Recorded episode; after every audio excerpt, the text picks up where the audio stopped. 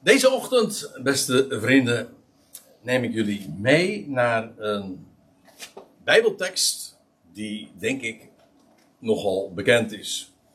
En ik weet wel dat wij destijds ook een tegeltje aan de wand hadden, vroeger bij ons, eh, met deze tekst. Mijn genade is u genoeg. Maar het is zoveel meer dan een wandtegeltje en een mooie spreuk. Het is nog waar ook. En hoe waar is het? En waarom is het waar? En wat zijn de consequenties allemaal van die waarheid? Nou, dan moeten we gewoon, dat lijkt mij de meest eenvoudige route, teruggaan naar de oorsprong van deze uitspraak. En die Nee, vinden we. Zijn genade is mij genoeg. Zullen we uh, eventjes stilhouden, Dora? Ja. Oké.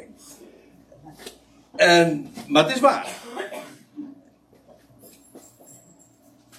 Deze tekst, deze woorden, mijn genade is u genoeg, die vinden we in uh, 2 Korinthe 12.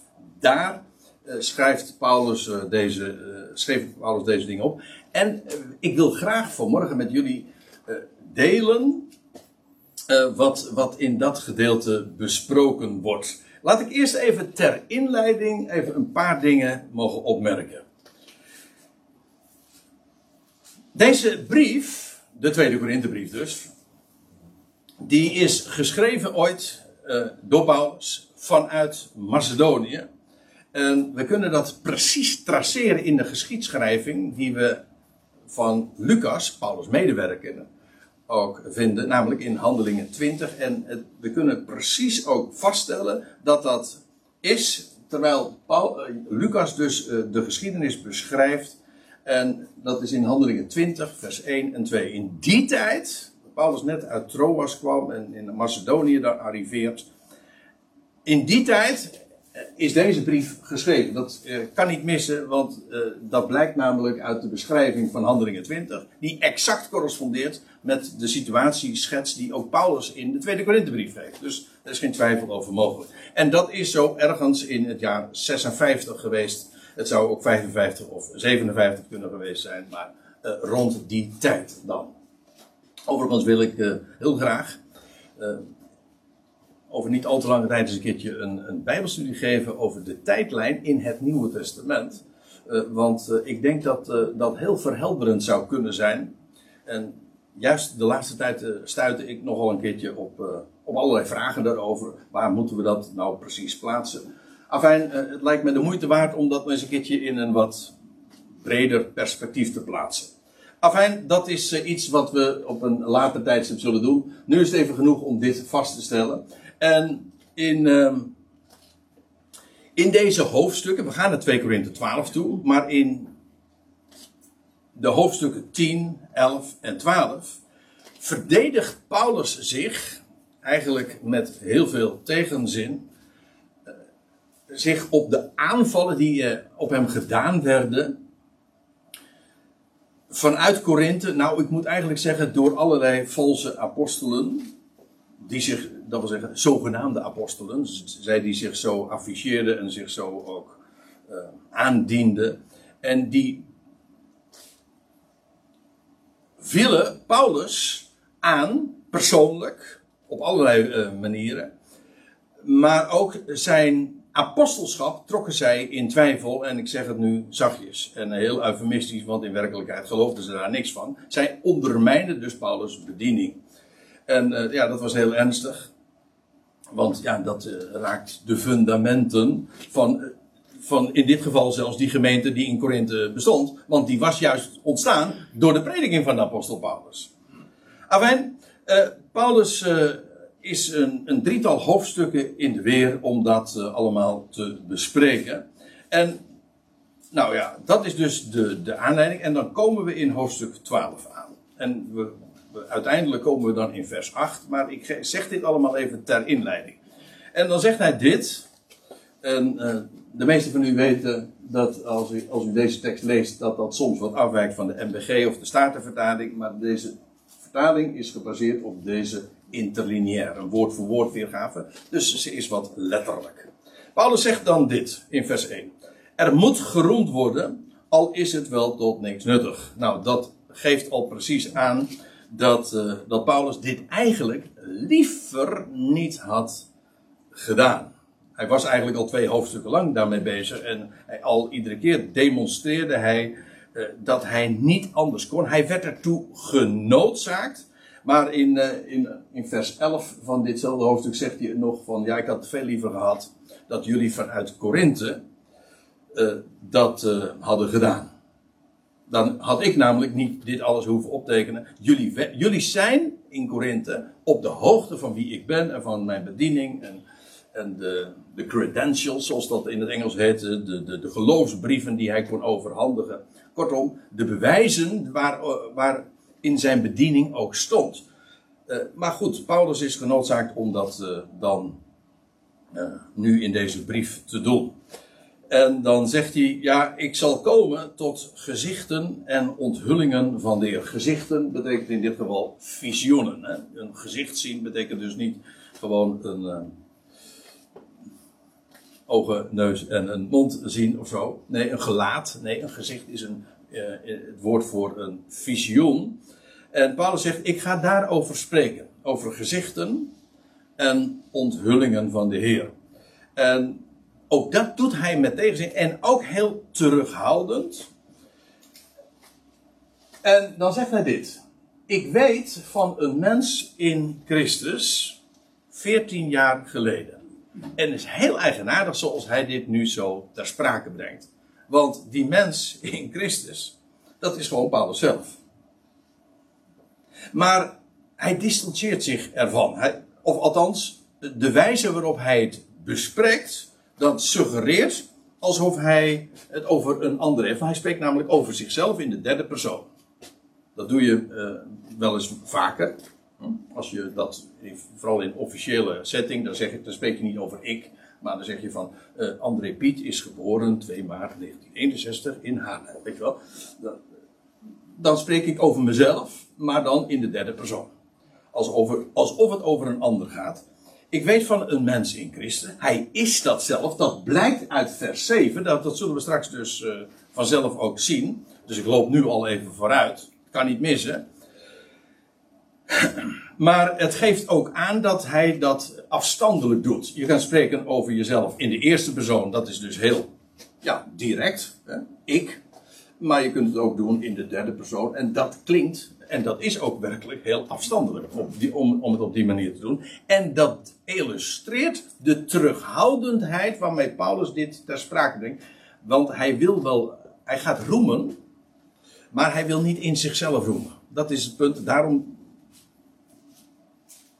presenteert hij het alsof het een ander betreft. Alsof. En hij weet ook uh, precies wanneer het was. Het was namelijk 14 jaar geleden. Nou, ik zei al, deze brief is geschreven zo rond 56. Dat betekent dus als, als je 14 jaar terugrekent, ja, dan kom je dus in het jaar 42 uit. En dat is de tijd geweest dat uh, Paulus nog aan zijn reizen moest beginnen. Aan zijn de zendingsreis in Handelingen 13 begint dat eigenlijk. En uh, dit is in de tijd dat hij, uh, in gelaten 1 vers 21 wordt dat beschreven, maar ook in Handelingen trouwens wordt het heel kort genoemd, dat hij terug weer was gegaan vanuit Jeruzalem naar eigenlijk zijn geboortestreek, namelijk Cilicië en, en Syrië, want Paulus kwam uit Tarsus. En daar heeft hij een heel aantal jaren vertoefd, een jaar of uh, nou, acht, negen zelfs. En dat is eigenlijk een hele stille periode, want we weten daar eigenlijk niet zoveel van. Maar Paulus is daar in die periode dus geweest. En in dit jaar, 14 jaar dus voordat hij deze brief aan Corinthiërs schreef, uh, was, vond plaats wat hij hier nu gaat beschrijven. Hij zegt of het in het lichaam was, dat weet ik niet. Of dat het buiten het lichaam was, weet ik niet. God weet het. Ja, logisch. God weet het wel. Maar hij zegt, ik, uh, waarom uh, spreekt Paulus daar met uh, twijfel over? Nou, dat weet ik ook niet. Nou, ik, ja, dat kun je wel vermoeden. want het geeft gewoon aan dat het voor hem zelf een, een lichamelijke ervaring is geweest. In die zin dat hij gewoon gezien heeft, gehoord heeft enzovoort. Dus ja, hij was daar voluit aanwezig, maar ja, dat kan ook. Uh, ja, mensen in de paranormale wereld spreekt men dan over uittreding. Hè, dat je, sommige mensen hebben zo'n ervaring dat ze bijvoorbeeld uh, zichzelf zien liggen eh, op, de, op de operatietafel. Ja. Nou zullen we het daar verder nu niet over hebben. Hoe, Eh, dat is trouwens, dan, zie, dan, dan kun je over jezelf ook spreken in de derde persoon trouwens. Want dan zie je jezelf liggen. Hm? Ja, ja daar, lig, daar, daar lig ik. daar ligt, ja. Enfin, uh, maar Paulus zegt, ik weet het niet. Want ja, als hij zegt van, ik, het is dan misschien wel voor mezelf een lichamelijke ervaring geweest. Maar het kan best zijn dat in mijn lichaam gewoon nog hier op aarde was. Het zou kunnen. Maar hij zegt, het, het doet eigenlijk dus ook niet ter zake. Zo iemand, weer dat afstandelijke, werd weggerukt tot de derde hemel. Dat woord weggerukt, dat kennen we ook van andere schriftplaatsen. Maar de bekendste is wellicht ook uh, die in 1 Thessalonica 4 vers 17, waar die spreekt over uh, de verwachting die we als gelovigen hebben dat we de Heer tegemoet gaan, zullen gaan. En, en we worden weggevoerd, weggerukt afhankelijk van de vertaling. Maar het is eigenlijk, het idee is vooral inderdaad, maar niet zomaar. Uh, het wordt in de evangelische kring uh, vaak genoemd de opname. Maar dat is te zoetsappig of te, te sloom. Hoewel, je kan natuurlijk ook met spoed opgenomen worden. Uh, maar het, het idee is inderdaad dat met geweld. In het Engels is het helemaal heftig, rapture. En dat is, heeft zelfs iets te maken nog met, met, met, met, met verkrachting, weet je wel to rape. Uh, maar in ieder geval met kracht er, eruit rukken. Dat is, dat is het idee van het woord. En uh, Paulus zegt, uh, zo iemand werd weggerukt tot de derde hemel. Ja, u zegt, ik ken er zeven. Ik ben er namelijk, sommige mensen zijn er wel eens geweest in de zevende hemel. Of die zijn er nog steeds, misschien bent u. Maar dan moet ik u corrigeren, want dat kan niet in bijbelse termen. Want er zijn er maar drie. En ja, de Bijbel spreekt namelijk op meerdere plaatsen. Ik noem er hier twee, maar ik geloof dat er nog een stuk of uh, drie, uh, drie, vier, vijf zijn, ik weet het niet precies. Waar de term de hemel der hemelen gebezigd wordt. De hemel die boven de hemelen is. En dan kom je inderdaad op een derde hemel. Daar zijn ook andere interpretaties van. Maar dat laat ik nu even rusten, want dat voert mij een beetje te ver van het onderwerp. Nou, het idee is denk ik niet zo moeilijk, want het eerste idee is de eerste hemel. Dat is waar de vogelen en de wolken des hemels zich bevinden. Dat is wat wij dan noemen de atmosfeer. Dat is de eerste hemel. Dat is dus de, uh, vanaf de aarde gerekend de eerste hemel. Dan krijg je vervolgens de tweede hemel. Dat is waar de sterren des hemels zich bevinden. En dan krijg je dan de derde hemel. En dat is dan de hemel der hemelen. Deze twee hemelen dus.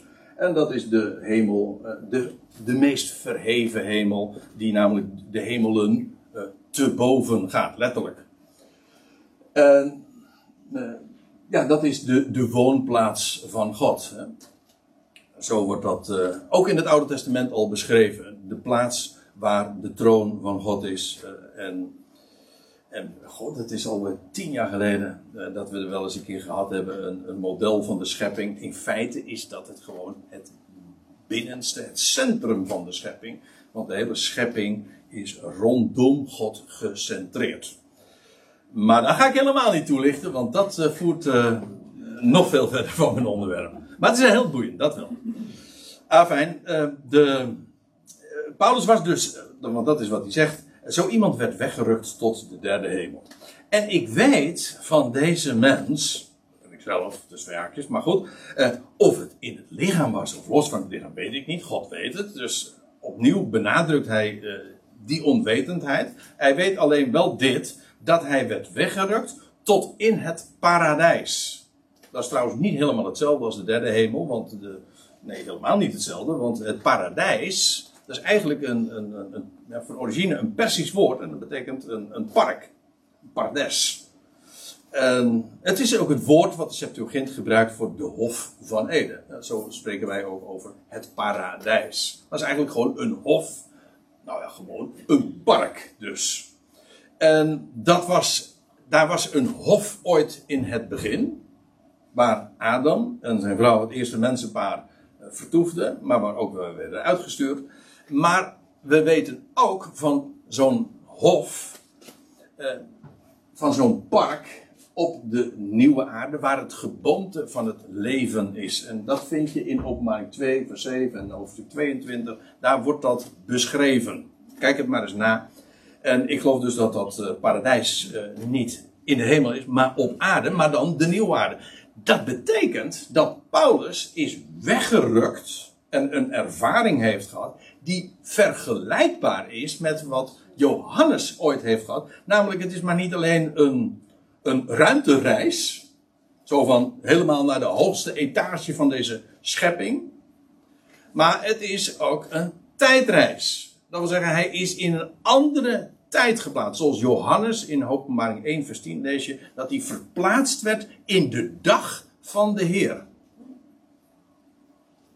En dus, van, en dus Paulus is, of eh, Johannes heeft een, dingen gezien die in de toekomst nog gaan plaatsvinden.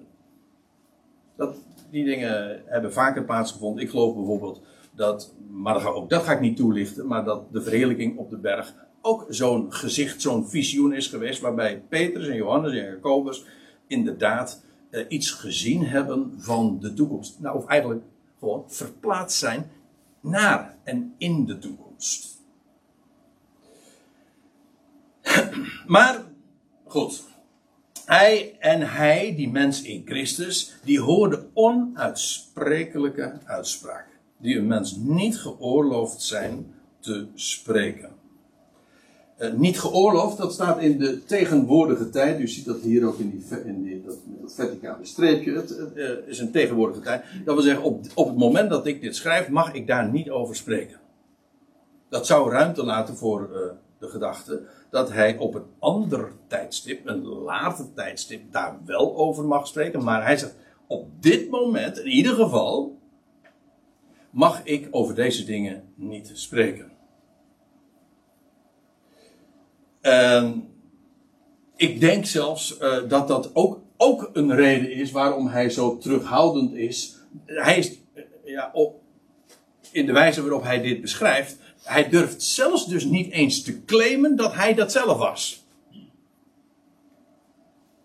Dat, uh, die, het feit dat hij niet geoorloofd is hierover te spreken, daarom spreekt hij daar ook zo terughoudend over. En in de derde persoon benoemt hij dat dan allemaal. Maar, zegt hij dan in vers 5, uh, over zo iemand zal ik roemen. En nu, dit is een beetje het problematische vers. In dit hele gedeelte. Nou ja, er volgen nog meer, maar uh, voor het verstaan is dit wat lastig. Want nu zeg je, hé, hey, over zo iemand zal ik roemen. Maar over mezelf zal ik niet roemen. Behalve in de zwakheden. Dan zeg je, hé, hey, wacht even. Maar jij zei net dat het dezelfde was. Dus deze mens in Christus, zo iemand, dat ben ik dus niet zelf. Nee, hij, Paulus distancieert zich ervan. Hij claimt niet zijn. Over die persoon ga ik noemen. En daarom zegt hij ook van, ja, uh, dat ben ik zelf niet. Want hij, uh, en de reden daarvoor, en we gaan het, als je nou gewoon verder leest, dan begrijp je precies wat ik nu ook bedoel. Dus ik wil er niet te veel woorden nu aan vuil maken om dit te bewijzen. Want als je gewoon verder leest, dan, dan, dan, dan pak je op wat, uh, wat de strekking is. Want Paulus, die wil wel roemen. Maar hij zegt, ik moet dit even vertellen over die mensen in Christus, over die verheven ervaringen. Want hij werd beschuldigd van ja, dat hij niet zoveel voorstelde. Nou, en, in dat kader zegt hij van nou, ik weet van een mens in Christus, ikzelf, die zelfs de hoogste, de meest overtreffende ervaringen heeft beleefd. Maar, oké. Daar wil hij niet over roemen alsof het zichzelf betreft. Hij zegt, ik roem alleen maar in mijn zwakheden. En daarom, die verheven ervaringen, daar uh, spreekt hij zo afstandelijk en terughoudend over. Hij wil slechts roemen, zegt hij, uh, over mijzelf zal ik niet roemen, behalve in de zwakheden. Hij, vandaar dus dat hij het in de derde persoon beschrijft en niet als zichzelf. Want, zegt hij, als ik, als ik zal willen roemen, zal ik niet onverstandig zijn, want ik zal waarheid spreken. Als ik, als ik zou willen de, roemen, als hè, Als ik dat zou willen, hij zegt, dan zou het niet onverstandig zijn. Hij zegt, waarom niet? Nou, gewoon, het is waar. Ik kan dit wel doen. En dat is waar. En dus niet onverstandig. Maar, zegt hij, ik ben terughoudend. Opdat niemand mij zal toerekenen boven wat hij van mij ziet of uit, uit mij hoort. Dus Paulus weigert zich te laten kennen met die verheven en in de beleving van anderen misschien hoogdravende en maar ook oncontroleerbare claims. Want ja, je kan wel zeggen van dat je zulke dingen beleefd hebt. Maar hoe weet je dat? Hoe, of hoe kun je dat bewijzen? Hoe kan de ander daarvan overtuigd worden? Hij zegt: Ik wil slechts gekend worden naar wat jullie van mij zien. Met al zijn noden, met al zijn zwakheden. En wat jullie van mij horen. En het sterke daarvan is, en dat had hij al in hoofdstuk 4 ook beschreven. Wat Paulus vertelde, was volstrekt controleerbaar. Hij zegt: Ik heb maar één doel in mijn bediening. En dat is dat ik betrouwbaar ben. En vandaar ook dat hij altijd alles in het werk stelde om al zijn uitspraken onder bewijs te stellen. Zodat iedereen die luisterde naar hem er van alles van, van Paulus konden vinden over, wat, over zijn persoonlijkheid, over zijn achtergrond of over, over de manier waarop hij sprak. Want daar was ook kritiek op, want men zei dan van, nou, zijn, zijn spreken betekent niet zoveel. Het was niet zo'n goede spreker, kennelijk. Ook dat lees je in hoofdstuk 10. Die spraakgebrek of zo, weet, ik niet. Maar in ieder geval, uh, dat maakt, maakte niet zoveel indruk. Maar daar ging het Paulus ook niet om. Paulus zegt, wat ik vertel is waar.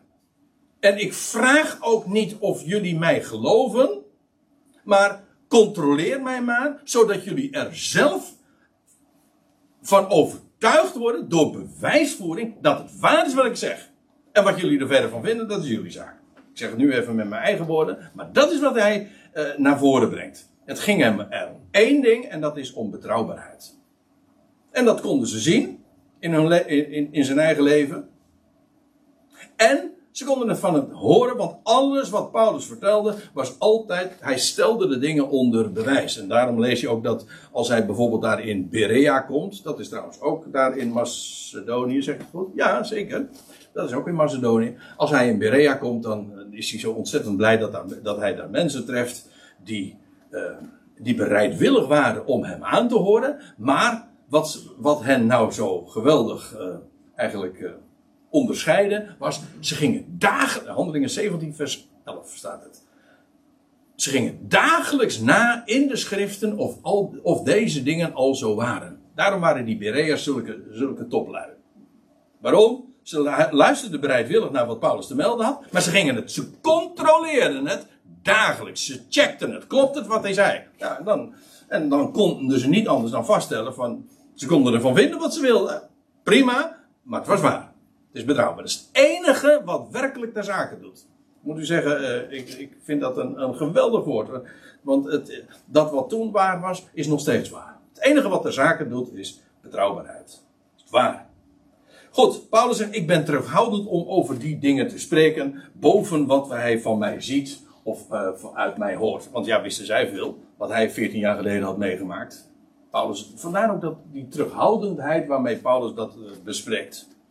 En, zegt hij dan, en nou komen we steeds dichter ons onderwerp, en opdat ik mij om de overtreffendheid van de onthullingen, hé, hey, nou ineens verraadt hij dat hij het inderdaad over zichzelf had. Hij zegt het weliswaar terughoudend, maar hij verraadt hier, want hier zegt die onthullingen, waar hij het dus al eerder over had, hij zegt ja, die, die, die heb ik gehad dus. Nou, hij zegt, en opdat ik mij om de overtreffendheid hoe zegt de, de, het buitengewone, zegt de NBG-vertaling. Het buitengewone van, van die, omhulling, uh, van die uh, openbaringen. Hier staat het woordje apocalyps. Onthullingen. Sterker, meervoud zelfs.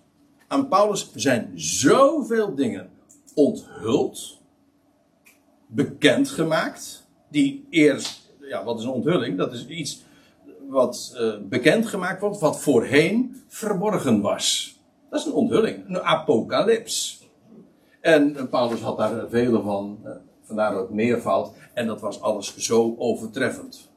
Inhoudelijk, maar ook vanwege ja, de locatie waar hij het allemaal van vernomen heeft. Van in de derde hemel, op, zo, vanaf zo'n hoge plaatsen van de Heer zelf. Nou, hij zegt, en opdat ik mij om de overtreffendheid van de onthullingen niet zou verheffen, want je zou er zomaar van naast je schoenen gaan lopen als je zulke dingen hebt meegemaakt en zulke dingen hebt gehoord, waar je dan nog vervolgens je mond over moet houden ook. Probeer dat maar eens een keer. Nou, om, om, om uh, dat hij zich niet te zeer zou verheffen, werd mij een splinter, of zal ik zeggen een doorn, maar eigenlijk is het een splinter, maar goed, uh, in beide gevallen is het hoogst irritant voor het vlees gegeven. Oei, de beroemde, beruchte, ik weet niet hoe ik het moet formuleren, uh, de doorn voor het vlees, waar Paulus het hier over heeft. Dus hij had geweldige dingen meegemaakt en hij zou daarvan zomaar uh, hoogmoedig kunnen worden. En om dat te voorkomen, is hem een doorn voor het vlees gegeven. In de meeste vertalingen, nou ja, uh, ja, het wordt, dit wordt meestal opgevat als een lichamelijke aandoening die Paulus heeft gehad. En ja, dan wordt er aan allerlei dingen gedacht. Vrijzinnige theologen denken dat hij epilepsie had. Epilepsie.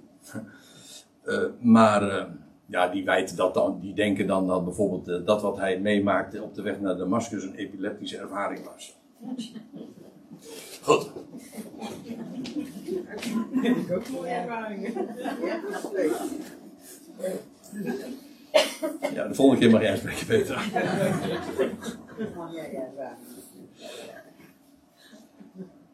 Epilepsie betekent opvallen trouwens. Weet je, epi, op, lepsie is vallen. Maar goed. Ja, je valt er ook op. Ja, je valt, ja, daar ben ik ook opgevallen. Ja, ja, maar, nou, uh, weer even serieus. Uh, meest, maar wat er bekend is, dat we weten van Paulus dat hij een oogkwaal had, op een of andere wijze. Dat is uh, onmiskenbaar. De gelaten brief blijkt dat. En men heeft dat dus daaraan toegekend, dat hij, dat hij daarop zou doelen. Maar goed, Paulus benoemt het niet, denkt men. Want uh, ik zei al, uh, men denkt aan een lichamelijke aandoening, wat op zich niet zo gek is, want hij spreekt over een splinter voor het vlees. Nou ja, wat denk je dan in de eerste plaats toch aan het lichaam, nietwaar? Van dit. En wat is er beroerder en irritanter en pijnlijker dan een splinter of een doorn daar in het vlees?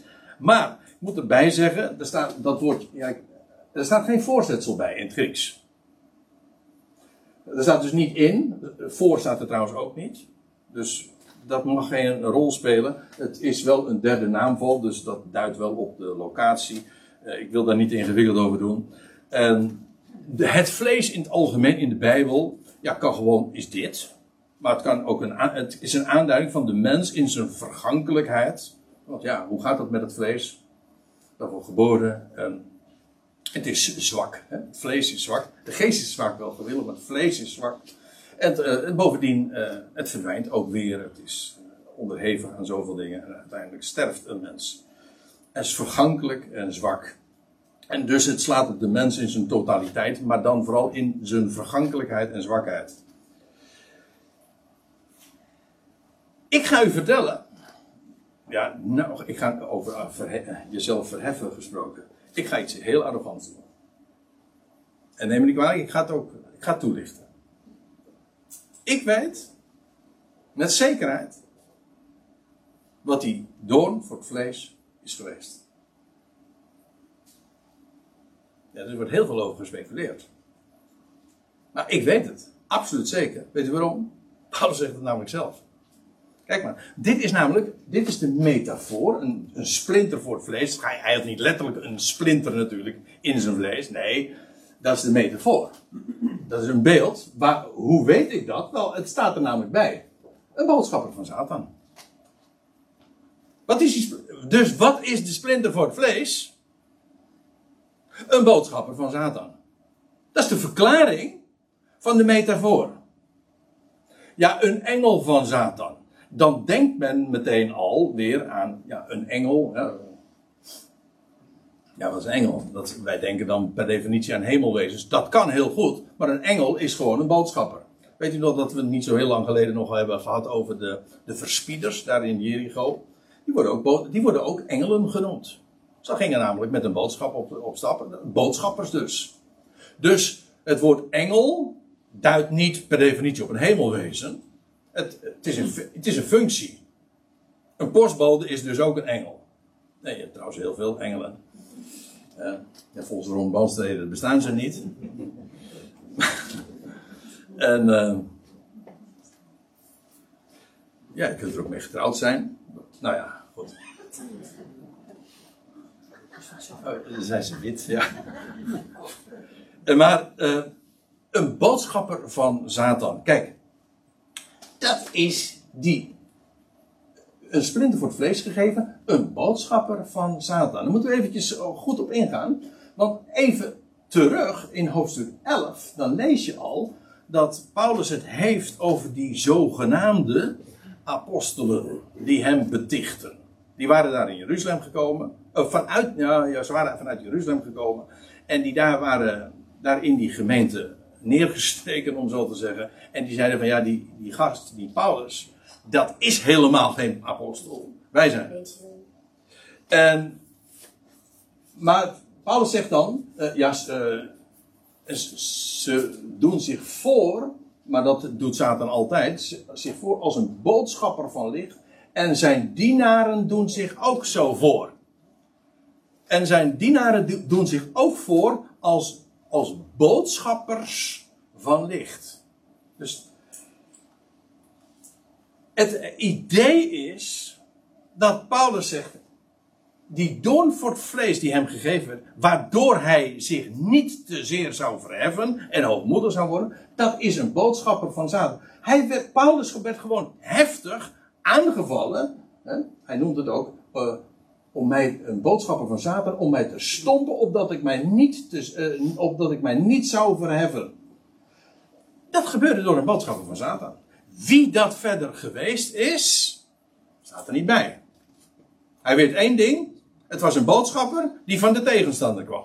En op een of andere wijze deed hij Paulus heel veel pijn. En maakte hij het hem buitengewoon moeilijk. Heeft hij hem ook wellicht onder de, zoals wij dat noemen, onder de gordel aangevallen. Waardoor hij voortdurend daarmee te maken had. Met die boodschapper van de tegenstander. En er, het was een splinter voor zijn vlees. Paulus werd daar dus door klein gehouden. Want dat is het hele idee. Hij zegt, het werd mij gegeven. Een boodschapper van de tegenstander. Om mij, na al die ervaringen en die onthullingen die mij gedaan zijn. En om mij niet te verheffen, is mij dat gegeven. En nu stond die, die boodschapper van Satan mij. En valt hij me zo uh, laag en pijnlijk aan. Maar ook nu zegt hij er weer bij, opdat ik mij niet zou verheffen. En dan zegt hij in vers 8 dit. Hierom, om deze reden, vanwege die boodschap van Satan, drong ik drie keer op de Heer aan. Het woord wat hier gebruikt wordt trouwens, dat wordt meestal vertaald, heel vaak vertaald met vermanen, parakaleo, naastroepen. Maar het heeft te maken met inderdaad, uh, eventueel met zelfs met vertroosten, met, maar in ieder geval met aandringend spreken. Hierop drong ik drie keer op de Heer aan. En begeef het aan, ik heb drie keer voor de Heer gebeden. Opdat hij, hé, hey, dan weet je, het, het gaat dus niet over iets, maar het gaat over iemand. Die hij, dat is die boodschapper van de tegenstander. Die hem stompte. Die hem, het, die hem zo pijnlijk aanviel. Kennelijk nog steeds. Waardoor hij uh, in ieder geval verhinderd werd zich te verheffen. En Paulus heeft daar zoveel last van. Drie keer heeft hij op de Heer aangedrongen. opdat hij, die boodschappen van Satan dus, van mij zou, af, zou aflaten. Afstand zou nemen van mij. Maar hij bleef, ja, soms ontkom je daar niet aan. Je, je zou kunnen zeggen van ja, Paulus kon toch weggaan. Nou, Paulus was weggegaan, maar die boodschappen van Satan bleef maar uh, hem achtervolgen. Hoe dan ook. Dat kan fysiek zijn, dat kan hem ook achtervolgen met al zijn uitlatingen en met zijn beschuldigingen. Nou, die boodschappen van Satan die hem stonden. Dat was dat die doorn, of die splinter voor zijn vlees. Die hem klein hield. En tot drie keer toe heeft hij gebeden van de Heer, aangedrongen, opdat die engel van Satan, die boodschappen van Satan, van hem zou afstaan. Is eigenlijk de enige keer bij mijn weten, corrigeer me als ik niet uh, betrouwbaar ben, maar bij mijn weten uh, is dit de enige keer dat we lezen dat Paulus bidt voor aardse omstandigheden. Gewoon voor zijn omstandigheden hier in zijn persoonlijk leven. En hij heeft dat aanhoudend gedaan. Hè? Drie keer toe erop aangedrongen bij dit. Het is een vrij sterke uitdrukking.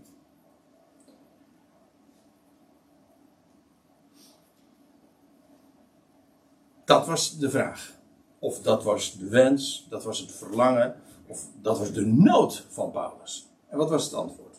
Nou, en nu komen we bij, ja, waar ik eh, mee begon, namelijk wat eh, de titel van deze toespraak is. En hij, de Heer, heeft tot mij gezegd, hoe dan ook, weet ik niet. Hij heeft tot mij gezegd, mijn genade is voor jou genoeg.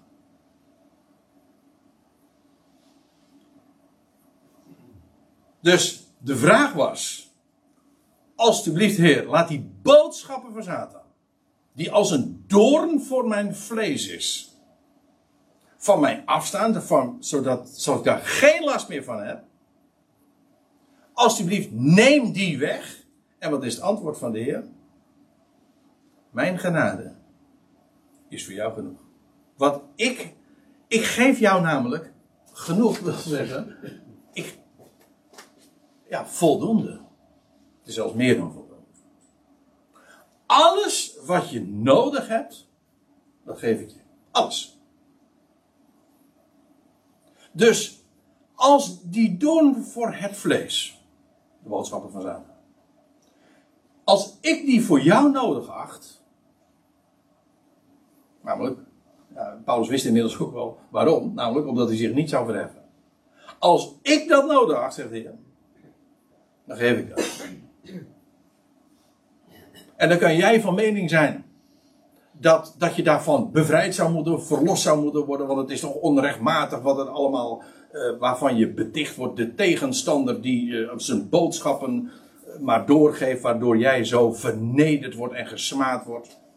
Alsjeblieft, Heer, laat hem van me afhouden. Tot drie keer toe dan bidden. En dit is het antwoord. Wat ik jou geef, is genoeg. Meer heb je niet nodig. En mijn genade, dat wil zeggen, genade wil zeggen wat je om niet gratis krijgt. En alles wat ik jou geef, dat is werkelijk voldoende. Denk nou niet dat je mij kan vertellen, uh, of dat ik een advies nodig heb om, uh, om uh, of, bij wijze van spreken, dat de Heer zegt van, ik, ik wil eh, het advies van jou graag hebben, wat ik nu voor, de rest voor jou moet doen. Ik weet het, jij, weet het, jij denkt dat heel goed te weten. Het is toch maar zo herkenbaar. Je, je denkt precies te weten wat het beste voor je is, voor jezelf is. Je zou je zeggen, oh Heer, ik wou dat het zus of zo was. Neem dat alsjeblieft van me weg. En je hemel en aarde probeer je te bewegen om dat uh, gedaan te krijgen. En het lukt je niet. En dan ga je bidden. Want ja, je bent vroom per slotverrekening. Hè? Je bent gelovig. En dan ga je bidden. En dan blijf je bidden. Aanhoudend. En wat de Heer zegt. Wat ik jou geef. Dat is genoeg. Gratis. Voor niks. Afdoende. En als ik jou een. Ja, het is, toch, het is toch zo logisch. Je bent van hem. Je bent zijn eigen. Hij zorgt voor je. Daarom zegt de Bijbel ook: wees in geen ding bezorgd. Het gaat er niet om, je mag niet bezorgd zijn. Dat, je hebt van die mensen die dat op die manier uitleggen. Eh, Je mag niet bezorgd zijn. En vervolgens, ze zijn bezorgd. En dan krijgen ze te horen van de dominee of van de voorganger van, je mag niet bezorgd zijn. En dan hebben ze nog een zorg erbij. Want ze, zijn, ze waren al bezorgd en nou mogen ze nog niet zijn ook. Weet je wel. Ja, dat schiet niet op natuurlijk. Dan krijg je nog een schuldgevoel omdat je zorgen hebt. Dat gaat er niet om dat je niet bezorgd mag zijn. Dat is, dat is net zo onzinnig als eh, je moet blij zijn. Dan ben je, zit je in zak en as. Eh, ja, maar jij moet blij zijn, want je bent toch een gelovige. Dan word je nog, dan, word je nog eh, dan kom je nog dieper in de, in de put te zitten. Weet u, zo werkt dat niet. Het gaat om genade. De Heer zegt, ik geef jou wat. En de Heer zegt ook niet, je mag niet bezorgd zijn. De Heer zegt, ik zorg voor je. Dan neemt hij, als je dat beseft, dan neemt hij een zorg namelijk van je af. Dat is een hele zorg minder als hij voor je zorgt. En dan, als je dat beseft, ja, dan ben je niet meer bezorgd. Want dan weet je van, nou, er wordt voor me gezorgd.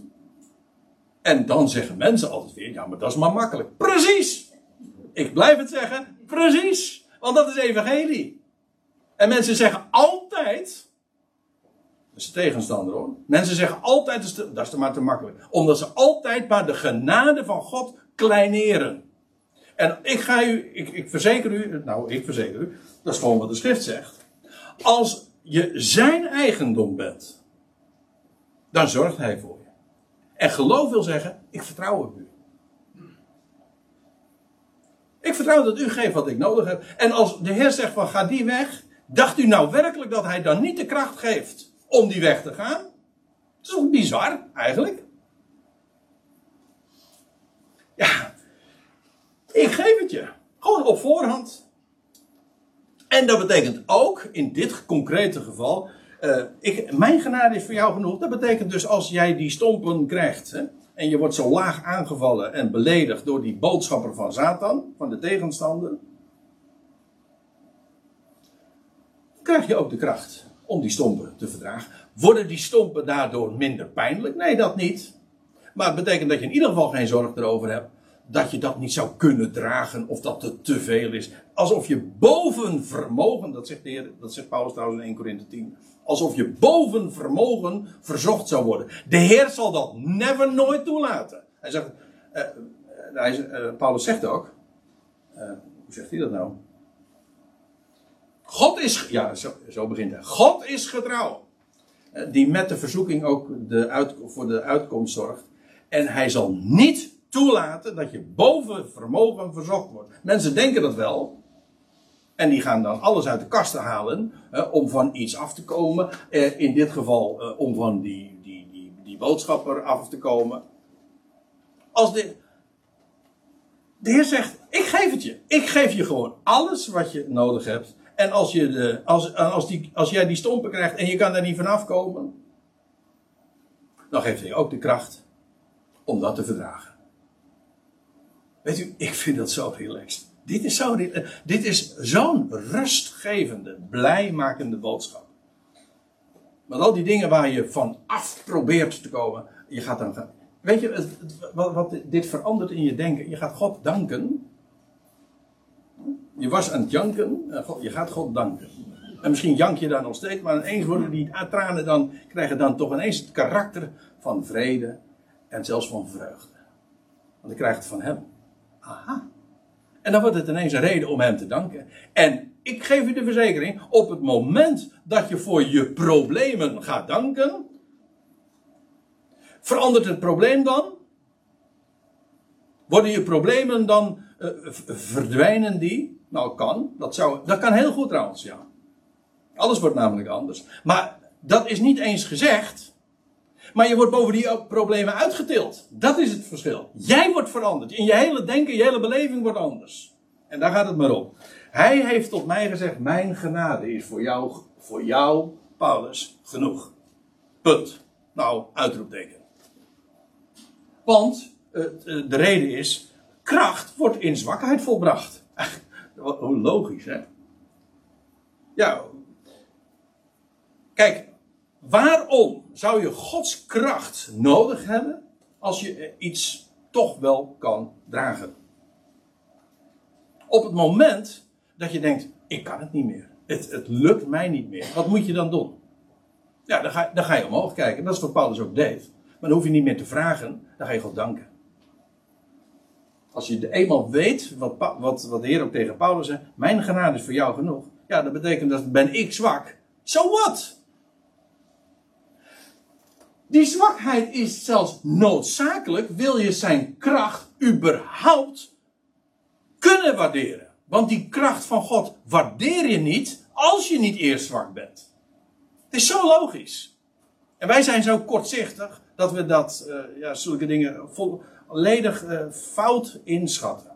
En onze problemen en onze kwalen en onze ellende en onze sores, we denken van de Heer moet dat van me afnemen. En we, alles stellen we in het werk. Begin nou eens te danken voor wat God geeft. Want, ja, de waarheid is, mijn genade is voor jou genoeg. En nou gaat Paulus, ja, als, dat vind ik zo mooi. Hoe, hoe dat bij Paulus heeft gewerkt. Paulus heeft dit geleerd. Mijn genade is jou genoeg.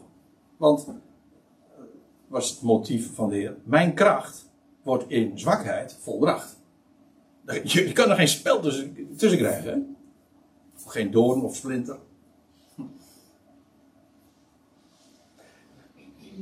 Nee, maar als, je, als dat waar is, als dat waar is, en, dat kwartje valt, vijf maal vijf, hè? genade, ja, in het kwadraat. Als dat kwartje valt, en je gaat beseffen wat die genade is en uitwerkt, dan ga je ineens heel anders aankijken tegen alle zwakheden. Want dan geldt dat dus niet alleen maar voor die ene zwakheid waar je dreigt te, voor dreigt te bezwijken. En, en, want Paulus zegt, ja, heel graag zal ik mij des te meer beroemen in mijn zwakheden. Hij had er dus meer dus, hè. Niet alleen maar die ene zwakheid. Maar ik, het, het gaat, Kijk, het is, het is een waarheid die als een olievlek gaat werken. Want als het namelijk voor het ene waar is, mijn genade is voor jou genoeg, dan geldt het dus voor heel mijn leven met al die zwakheden waar ik mee zit. Nou, Paulus zegt heel graag, ga ik dus des te meer beroemen in mijn zwakheden. Let op, het is niet, Paulus, het is niet zoals wat sommige mensen hier dan weer van gemaakt hebben, dat, dat Paulus ging vragen om zwakheden. Dat, dat doet geen mens natuurlijk. Hè? Dat is, waarom zou je daarom vragen? Ook daarvan geldt, zijn weg is de beste. Ik, kijk, mensen zeggen wel eens een keer van, ja, waar zou je voor bidden? Ja, dat vraag ik me ook wel eens af. Paulus zegt in Romeinen 8, ja, wij weten niet wat we bidden zullen naar behoren. Nou, wat moet zijn? Weet ik echt niet. Want ik kan er nou voor bidden, dat zie je hier bij Paulus. Hij bidt voor iets. Ja, maar de Heer had een heel, andere, heel ander traject voor ogen. Dus ja, waarom, wat zal je dan nog bidden? Nou, dat weten we ook niet. Weet je wat je wel kan doen? Altijd danken. Altijd. En als Paulus bidt, dan bidt hij dat we zouden beseffen wie hij is en wat zijn woord is en wat, we, wat de rijkdom van zijn woord is. Daar bidt Paulus voortdurend om. Ook voor jezelf en voor anderen, dat mensen gaan beseffen hoe rijk ze zijn. En voor de aardse omstandigheden, bijvoorbeeld als er een zaal sluit en niet meer beschikbaar is, dan zeggen we, Heer, alstublieft, Dacht je nou werkelijk dat je de Heer van advies moet dienen? Ga er nou op voorhand van uit. Hij gaat zijn weg. En hij geeft wat nodig is. Dat is niet, dat is niet iets bijzonders. Dat is gewoon de normale gang van zaken. Mensen denken dat dat eh, een, eh, een hele speciale ervaring is. Wat je, dat je op een gegeven ogenblik mag komen. Dat je gaat ervaren dat, dat hij voorziet. Nee, dat is niet een speciaal eindpunt. Het is een basis. Hij voorziet in alles. Heel graag zou ik dus mij des te meer beroemen in mijn zwakheden, die zich sowieso aandienen, hoef je helemaal niet te dragen. uh, opdat de kracht van Christus zijn intrek neemt boven mij. Is een prachtige uitspraak. Uh, waar ik uh, nu niet te veel over kan zeggen, maar het heeft iets te maken ook met, zelfs met het woordje tabernakel. En let er trouwens op dat die kracht van Christus zijn intrek neemt boven mij. Ja.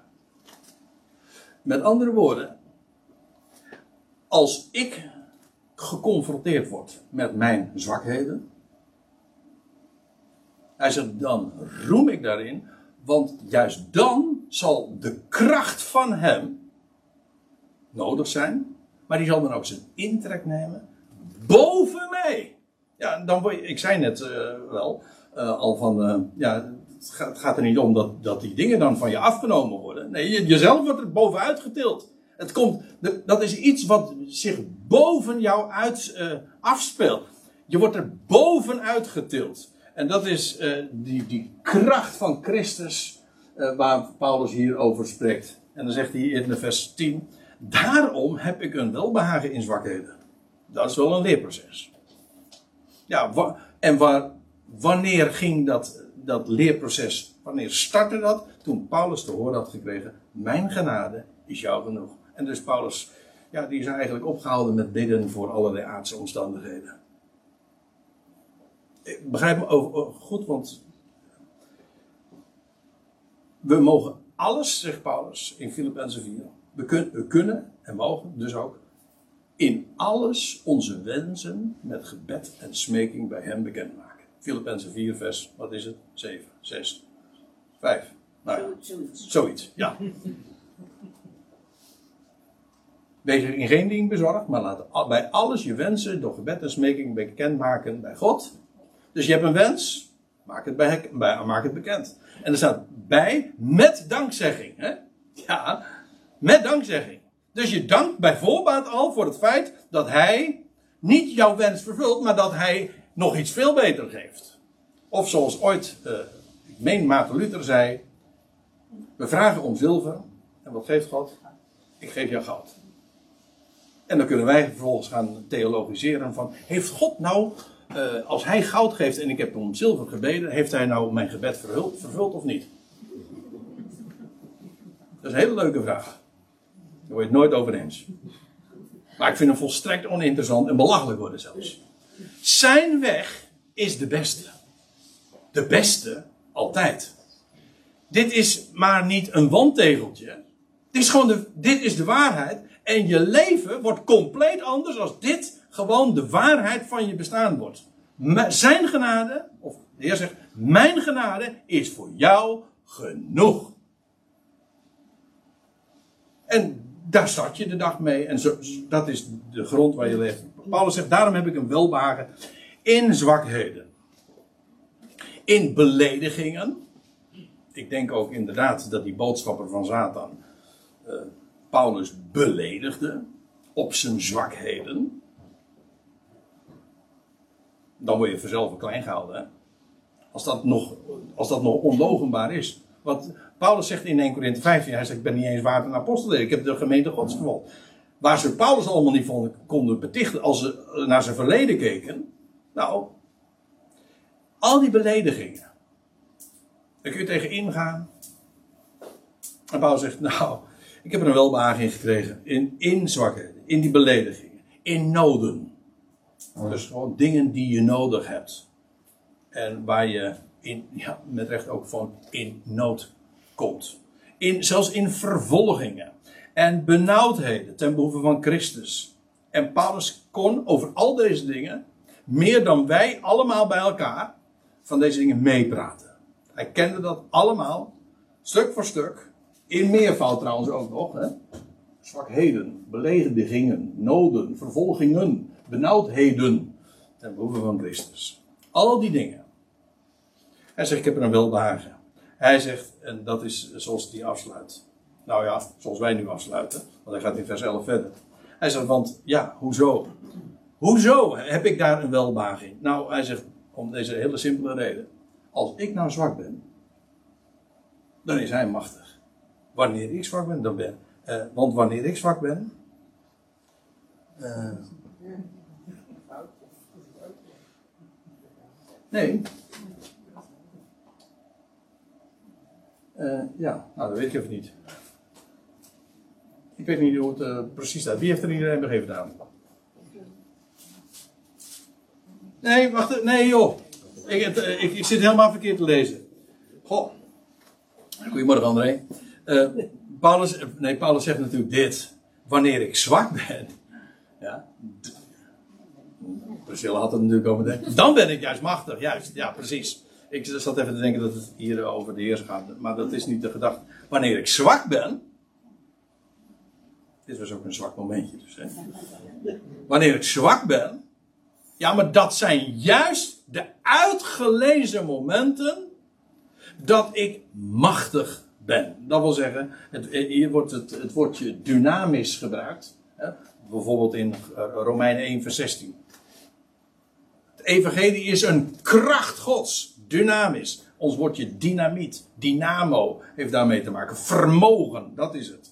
Als ik zwak ben en dus vermogen, kracht, macht of ja, dynamiek nodig heb, wel, dan geeft hij dat. Dan geeft hij dat en dan komt het onmiskenbaar van boven. Maar dan kijk je naar boven en dan roem je dus in hem.